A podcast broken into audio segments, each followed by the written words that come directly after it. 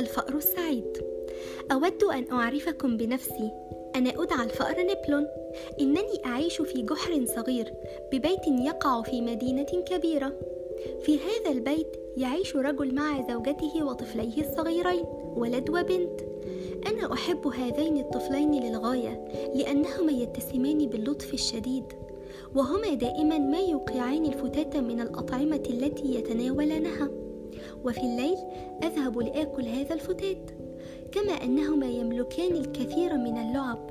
وفي بعض الأحيان أقترض بعض الأشياء من هذه اللعب وأستخدمها في منزلي.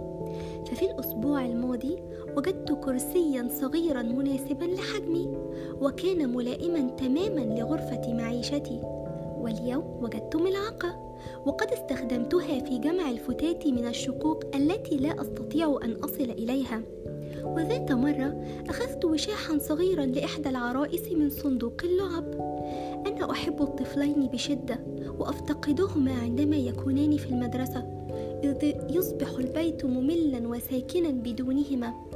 أفكر كثيرا في مدى حبي لهذه العائلة التي أعيش معها وأتمنى ألا يكتشفوا وجودي معهم مطلقا.